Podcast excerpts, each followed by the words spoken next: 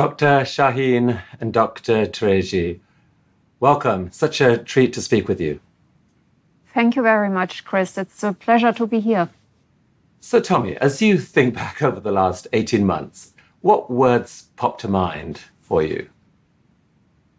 Well, one word uh, which uh, comes to mind is breathless. It was indeed a breathless uh, uh 16, 17 months for us.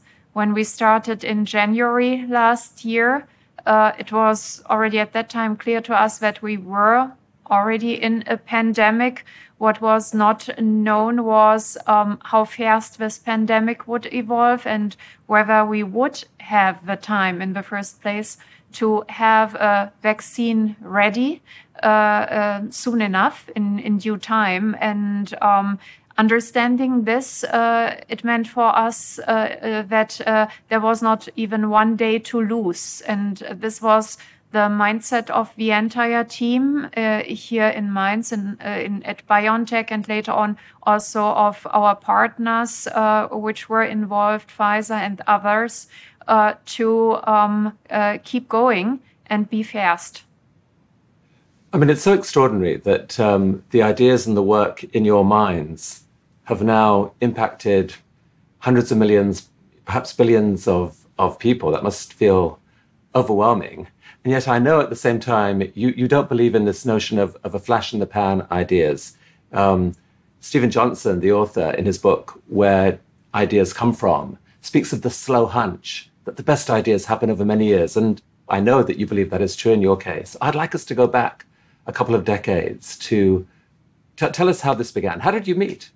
We met on, on an oncohematology ward, uh, uh, Ugur being a, a, young physician, and uh, I was still uh, in medical uh, school uh, training on, on ward, and which means we met in one of the worlds which became important to us the world of patient care uh, of treating oncohematology patients. And we soon found out that there, there was a second world which we liked, namely the world of science. We were uh, uh, haunted by the same dilemma, namely that uh, whereas um, there was not much we could offer our cancer patients, that there was there were so so many uh, potential technologies we encountered in the lab which could address this. So um, one of our shared uh, visions was uh, to to to bridge this dilemma uh, by working on bringing uh, science and technology um, fast, and that's an important word here, fast to the patient's bedside uh, to address um, high medical need. So I think the first company you founded uh, nearly 20 years ago was um, to use the power of the human immune system to tackle cancer? We, we were always interested by uh, using the patient immune system to fight cancer and other type of diseases. Uh, as immunologists, we knew how powerful the, the human immune system is, uh, but it was also clear that the uh, human immune system, in, in the case of cancer, uh, did not fight fight cancer cells. It could fight it, but but it it, it didn't. And for for that, uh, we wanted to develop immunotherapies. That means uh, treatments um, that use the power of the immune system and redirect the power of the immune system to cancer cells. It was clear that in the university setting, we could not continue to develop monoclonal antibodies because the cost for development of monoclonal antibodies before you can start a clinical trial was in the range of 20, 30 million uh, um, uh, euros. And therefore, we decided to start a company to get the funding. Now, soon after you started this company, you decided to get married. Uh, tell me about your wedding day day was well planned, uh, a, uh, a, quick wedding, and thereafter we went back to the laboratory. And uh, our our guests at our wedding were that that was basically our team, uh, our research team. So no time to lose, Chris. that was that was a pretty special honeymoon. I mean, it's. It, it, seems like your, your love for each other is, is very much bound up in your love for this work and your sense of the importance of, of this work. How, how would you How would you characterize those intersecting relationships there? We, we, are, as, we are really two scientists. At the end of the day, we love what we do. Yeah? And, and for us, um, uh, we don't differentiate between work uh, and life balance. It's for us really, really a privilege to be to be scientists, to be able to to do what we love, and and therefore we combine our normal life with our with our professional life, and therefore this is pretty normal for us. So, talk to me about this extraordinary molecule, molecule RNA and how you got interested in it and, and how it became, as I understand, an increasing focus of your work. And indeed, it, it led to the founding of BioNTech. Talk about that. Yeah, mRNA is a natural molecule. It's, it's, it's uh, one of the first mo- molecules of life. Uh, it, is, uh, it is a carrier of genetic information, uh, but in contrast to, to DNA, it's not stable. Uh, so it, uh, it can be used to transfer information to human cells, and the human cells can use this information to build proteins which, uh, which can be used for therapeutic settings. Uh, for example, to, to, to make a protein which is a vaccine, yeah? or to make a protein which is an antibody, or to make a protein which is another type of drug. And we were fascinated by this, by this, uh, by this molecule class because, because um, uh, it, was, uh, it was very clear um, that mRNA can be produced pretty fast within a few days. And we were, as MDs, we were particularly interested to develop personalized medicines. Uh, that means uh, a, a, treatment and immunotherapy uh, specifically designed for a cancer patient. Because one of the one of the key challenges in cancer cancer treatment is that every patient has a different tumor. If you compare two tumors uh, of two patients with, with the same type of tumor, the, um, the similarity of these tumors is less than 3%, and 97% is really unique. Yeah? And it is, uh, today, it's, uh, it's still not possible to, to, uh, to address the uniqueness of, of the tumor of a patient. And therefore, we were seeking for a technology which could uh, be used for immunotherapy and which could be, uh, could be used to develop a treatment within, within the shortest possible time. Uh, the idea uh, to get the genetic sequence of the tumor and then make a vaccine which is personalized within, within, within a few weeks. Or is it fair to say that almost all of the significant things that happen to us biologically are actions done by proteins and that it's it's mRNA that actually makes makes those proteins. If you can if you can understand the language of mRNA, you can get involved in pretty much everything of significance uh, to the well-being of a, of a human being. Exactly. So, in principle, um, the information instructions are in the DNA these have to be translated into protein because proteins are the actors which keep our uh, uh, cells alive and our organism functional. And the way how to translate what is um, uh, instructed by DNA in a, a, fashion that it is uh, well timed and happens at the right places into protein, there is messenger RNA. Messenger RNA sort of uh, instructs when and uh, uh, how much of which protein has to be built in order to ensure the activity of our body. So you can almost think of DNA as the as the sort of the Oxford English Dictionary of Language. It sort of sits there as the reference point. But for the actual living work, the living work of, of language out there in the world, instructing things, that is done by mRNA. Yeah, absolutely. It is it is possible. So the the human cells, exactly DNA is like a library. If you if you have the platform for the messenger RNA uh, therapy, you can deliver any type of message, and uh, and the body cells ensure that the message is is translated into the right protein. A high advantage of um, mRNA is that it is so versatile. You can uh, deliver all sorts of messages, as, as Ugur has, has called them. Uh, on the one hand, uh, you can deliver the blueprint for the protein, uh, which you want to be produced in this cell.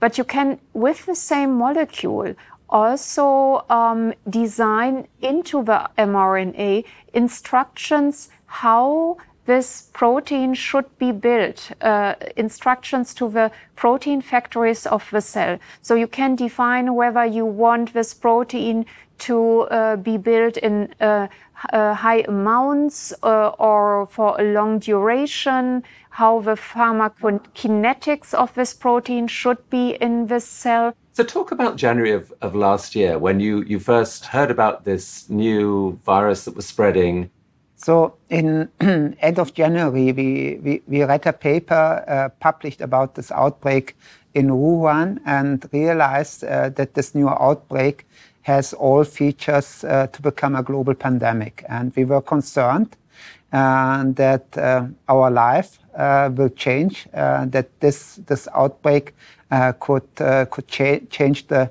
uh, the fate of mankind. And uh, we knew that we have this messenger RNA technology, which, is, which was actually developed for personalized cancer therapy. But the idea of personalized cancer therapy is to get a genetic information of the patient and then make a vaccine as fast as possible. And we had now the same situation. It was not a personalized vaccine, uh, but it was a genetic information of the virus, which was released uh, two weeks earlier. So this genetic information of this virus was available, and our task was uh, to, to make a vaccine uh, as fast as possible. And the challenge at that time point was uh, it was almost nothing uh, known about this virus. It was a completely new virus. Uh, we, uh, we had uh, some assumptions uh, which, which target, which molecule encoded by the virus could be the right target. Uh, th that means the, the, the, molecule which can be used uh, to, to precisely engineer an immune attack. This is the spike protein. is on the surface of the virus, and there's not only one copy of the spike protein on the on the virus, but multiple. So in, in the range of 20, 25, 30 30 proteins, spike uh, proteins, and the spike protein has two functions. One function is really uh, to enable that the virus sticks to human cells, yeah, uh, and uh, for example, uh, sticks to cells in the in the human lung, yeah, and the second is uh, that the spike protein acts as a key. It allows the virus to enter into the cells. Our goal was to engineer an immune response. You've got a slide showing the T cell response to your your vaccine. Um, how how long were you into the process before you saw this and you saw wow there really is a spectacular response going on here? We saw this already in the animal models because they are also meant uh, to to assess uh, the immune response. And what is shown on this slide is on the left side a lymph node from a setting where there was no RNA treatment or RNA vaccination, and on the right side, uh, a lymph node of a treated uh, organism, in this uh, case, an uh, animal. And the localization matters, and we have constructed our RNA nanoparticles with encapsulation into lipids such that uh, the mRNA is carried into lymph nodes, not just anywhere, it's carried into lymph nodes. And in the lymph nodes, it reaches a, a, very special cell type, which is called dendritic cells. And these cells are coaches of the immune system. So they are the generals uh, which uh, call all the different special forces and train them on the wanted poster of the attacker. And it's very important that you reach those cells. On the right side, you can see the effect of reaching those cells. Uh, you see many red dots, and these are T cells which have been trained to recognize the antigen, the protein, which the uh, mRNA has delivered, and they have expanded to a, a, sort of army of clones, so to say. So all these um, uh, red dots uh, are an army which only knows one goal, namely attacking this specific protein encoded by the mRNA. So it's really stunning that um, within just a few days of your looking at this sequence of what of the most dangerous pathogen to hit humanity in in hundred years, I guess, um, that you were able to come up with these these candidate vaccines, and uh, and I guess over the over the next weeks and months, you had growing confidence that wow, you'd actually this was going to work. It wasn't until the results of the human trials came out, I guess in no- November of, of last year, that you really knew. Tell us about that moment. Uh, it was a Sunday when we were waiting for these results, which are uh, assessed uh, in such trials by an independent committee. And Ugur said, So let's see uh, how the data will look like. It was not clear whether uh, it would be thumb, thumbs up or down. And uh, we were very relieved and, and feel, felt blessed to hear that uh, uh the vaccine was efficacious and it was uh, highly efficacious, over 90%. And that more than 90% almost disguises the full extent because that, that, that's just against any kind of um, level of infection of, of, of, of COVID. The severe infection and fatalities were almost completely protected against, I think. Um, and it must have been an ec- ecstatic moment for you. It certainly was for, for so many people around the world. Yes, absolutely. So we had this was a Sunday evening, and and there were a handful of people knowing that an effective vaccine is existing against uh, this global pandemic. And uh, we were so excited and so happy and we shared, of course, this information the next day. so, um, um, based on what's happened this time around and, and the amazing acceleration compared with any other vaccine development, I mean, if we were hit by uh, another virus, could you picture that next time we, we could accelerate the, the timeline further still if, if need be? Yes, Chris, this is an excellent question. Actually, actually, the world was not prepared to deal with such a pandemic. The science uh, and, uh, and, and the vaccine developers reacted in an excellent fashion, and it is incredible uh, and wonderful that it was possible to come up with an effective vaccine uh, while a pandemic is ongoing in less than, less than 12 months. But the challenges that we have at the moment is that we don't have sufficient production capacity. Ideally, ideally, we would be prepared the next time not only to develop a vaccine in light speed, yeah, but also to, to make and distribute the vaccine in light speed. So what we need now as an additional ele element which was not existing is, is manufacturing capacity and idle man manufacturing capacity. We must be, uh, um, bring us into a position that we, that, that we can produce um, 12 billion doses of vaccine, if you consider prime boost, yeah, within, within less than six months. Yeah? And this is technically possible. So this, this, this can be done if, if, uh, if, um, if governments uh, and uh, international organizations invest into manufacturing capacity, invest into, into keeping this, idle capacity, and, also come up with a, with a standardized plan and process to enable even faster response. So, so we, uh, in, in principle, uh, we might be able to manage to come up with a vaccine and start distribution in even less than eight months. What does what's happened in this last year tell you now about the prospects for using mRNA to treat cancer and indeed other diseases? Where is this heading? What we have now is now an approved approved technology and a first approved product. The development of the of the coronavirus mRNA vaccine shows the power of the of the mRNA, and it shows also and um, the safety of this approach, and uh, and it shows um, that it opens up a door uh, for new technology and for new type of treatments.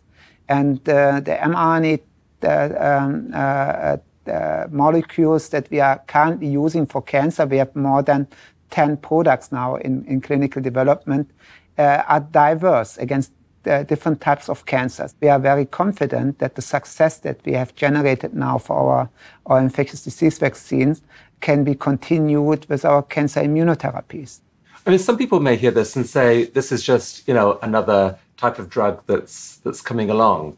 But I think on, on the mental model you're talking about, it's we, we should think about it as much more revolutionary than that. That that that typically a drug, a traditional drug, kind of changes the chemical environment, the background of an entire area of, of the of the body. But but your your if if you understand the language of, of mRNA, you can do something much more specific and precise. Is that a something like a fair way to think about it.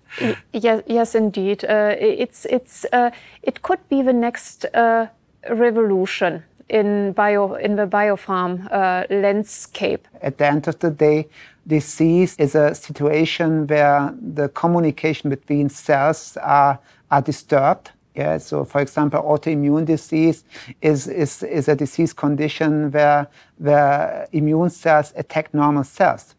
And indeed, uh, uh, we, we could engineer messenger RNA therapies uh, which could teach the immune system to stop to do that, yeah, without inhibiting the whole immune system, but by just communicating with the immune cells which are attacking.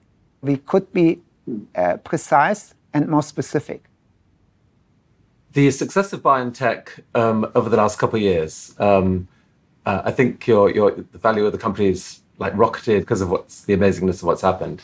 I mean, it's made you both extremely wealthy. I think you're both billionaires now. How, uh, how have you been able to respond to that? Sometimes so much money brings its own problems with it. Is it is it proving a distraction? For a company which is uh, which sees innovation as its uh, core mission, too much money is never a problem. Because innovation really means that you have to invest. Otherwise, we will only have Me Too type of products or incremental improvement uh, uh, for solutions of high medical need. No, it, it, it really gives us the, the chance to transform uh, our company uh, so we were when we started in uh, when we were when we compare ourselves with with uh, the situation we had at the beginning of 2020, we had a number of uh, product candidates in clinical testing, but but the company required funding every every every year or every second year. Now we have a situation uh, to really address the full vision of the company. We started we started BioNTech with the idea re really to, to provide novel treatments wherever uh, there is a high unmet medical need. And we now can, can do that in a much larger and broader scale and, uh, and bring our innovations faster, faster to, to patients. You were both from families who immigrated from Turkey to Germany. Uh, immigrants have faced hard times uh, in many countries, including Germany. And yet, um, you, I think, have helped transform the debate about immigration in Germany and elsewhere just by the extraordinary success that you've achieved, um, creating this world leading company in, in Germany. Do you take joy for the impact you may have had on this issue? It is somehow surprising because because the way how we how we do science and how how how we recognize uh, how people work effectively in teams together is not to ask from where the person is coming, yeah, um, but what the person can contribute. Uh, so in, in our company, uh, we have we have uh, employees from more than 60 countries. Yeah? So we are an international group of scientists.